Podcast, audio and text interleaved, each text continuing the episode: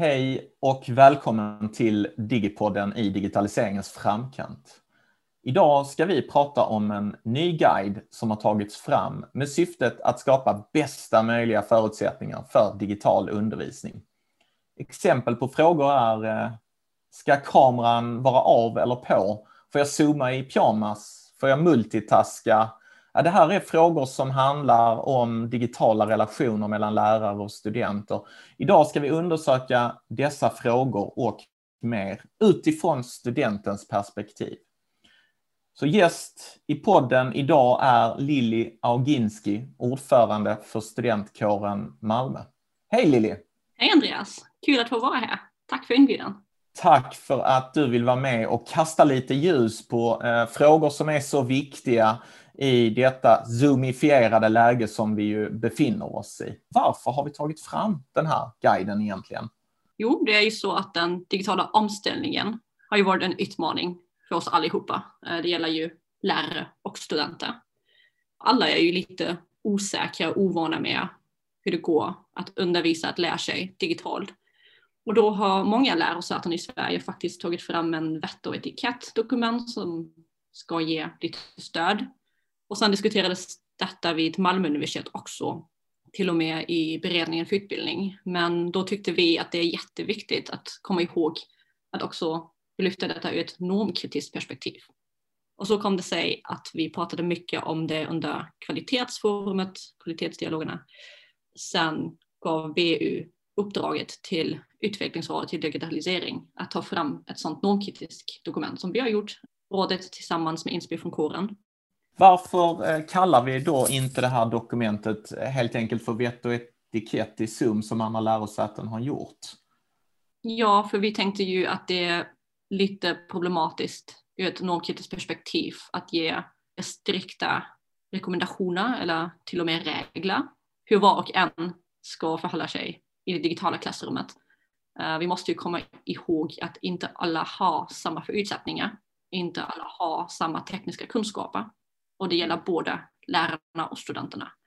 Så vi ville helt enkelt skapa någonting som bjuder in till en dialog, till en kommunikation som ifrågasätter våra förväntningar och hur vi tycker och tänker göra och hitta ett sätt som helt enkelt funkar bäst för varje klass. Eh, en av de här allra mest centrala frågorna och som väl är en av de viktigaste sakerna som har lett fram till detta diskussionsunderlag, det är ju frågan om kamera av eller på. Varför är den här frågan så himla besvärlig egentligen? Ja, eh, bra fråga. Komplex fråga. Själv är jag ju kulturvetare i grunden, så man kan ju svara på frågan på ett ganska abstrakt filosofiskt sätt. Och då skulle jag säga att det har till och med ganska mycket med makt att göra. Att kunna se någon och att synas har ju ganska mycket med maktförhållanden i kommunikationen att göra. Men i praktiken har det också med förutsättningar att göra. Många studenter frågar mig, ja ah, men varför bryr sig läraren om jag har kameran av eller på? Alltså det spelar ju ingen roll så länge jag får mina poäng, så länge jag deltar under obligatoriska moment. Och eh, när studenterna frågar mig varför det är så irriterande för lärarna så då ställer jag gärna följdfrågan, hur är det för dig? Känner du dig bekväm att prata med någon med jättemörka solglasögon på? nej, det känns inte så bekvämt för vi kan inte se den andra personens ögonen. Vi kan inte riktigt tolka uttrycket och eh, vad som händer med ansiktet på riktigt. Så någonting i kommunikationen tappas bort helt enkelt om vi kan inte se varandra. Men ja, som sagt eh, har det också med ganska basala praktiska tekniska aspekter att göra, vilket ofta glöms bort. Inte alla studenter har utrustningen, inte alla har kameror nu fanns det ju ett bra initiativ från Malmö som har köpt in flera lånewebbkameror. Det är ju ett bra steg um, att göra det enklare.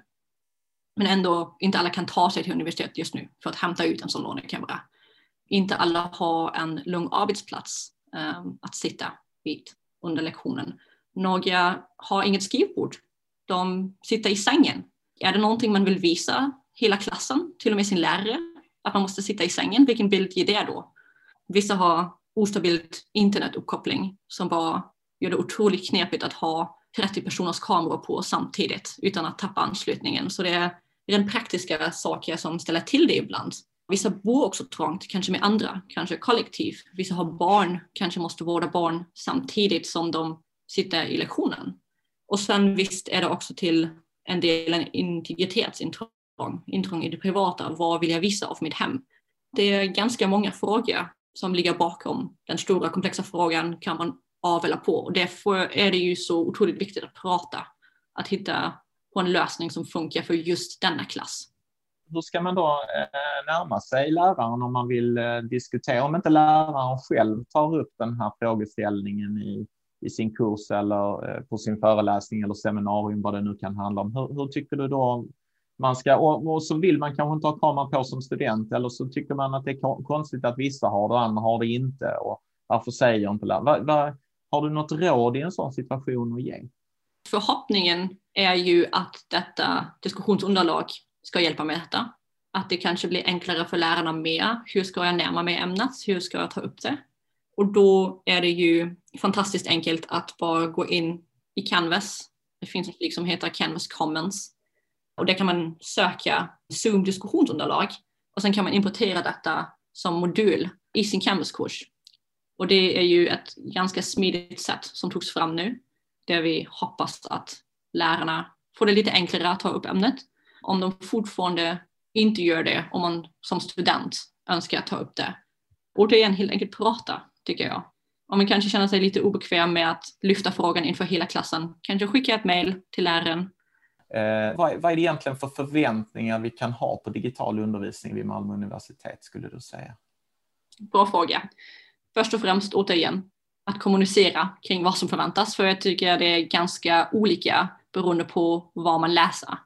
Läser jag en kurs i juridik som är mycket teoretiskt är jag kanske van med att ha ganska mycket frontala föreläsningar, läraren pratar, förmedlar kunskap, jag tar anteckningar och det är det.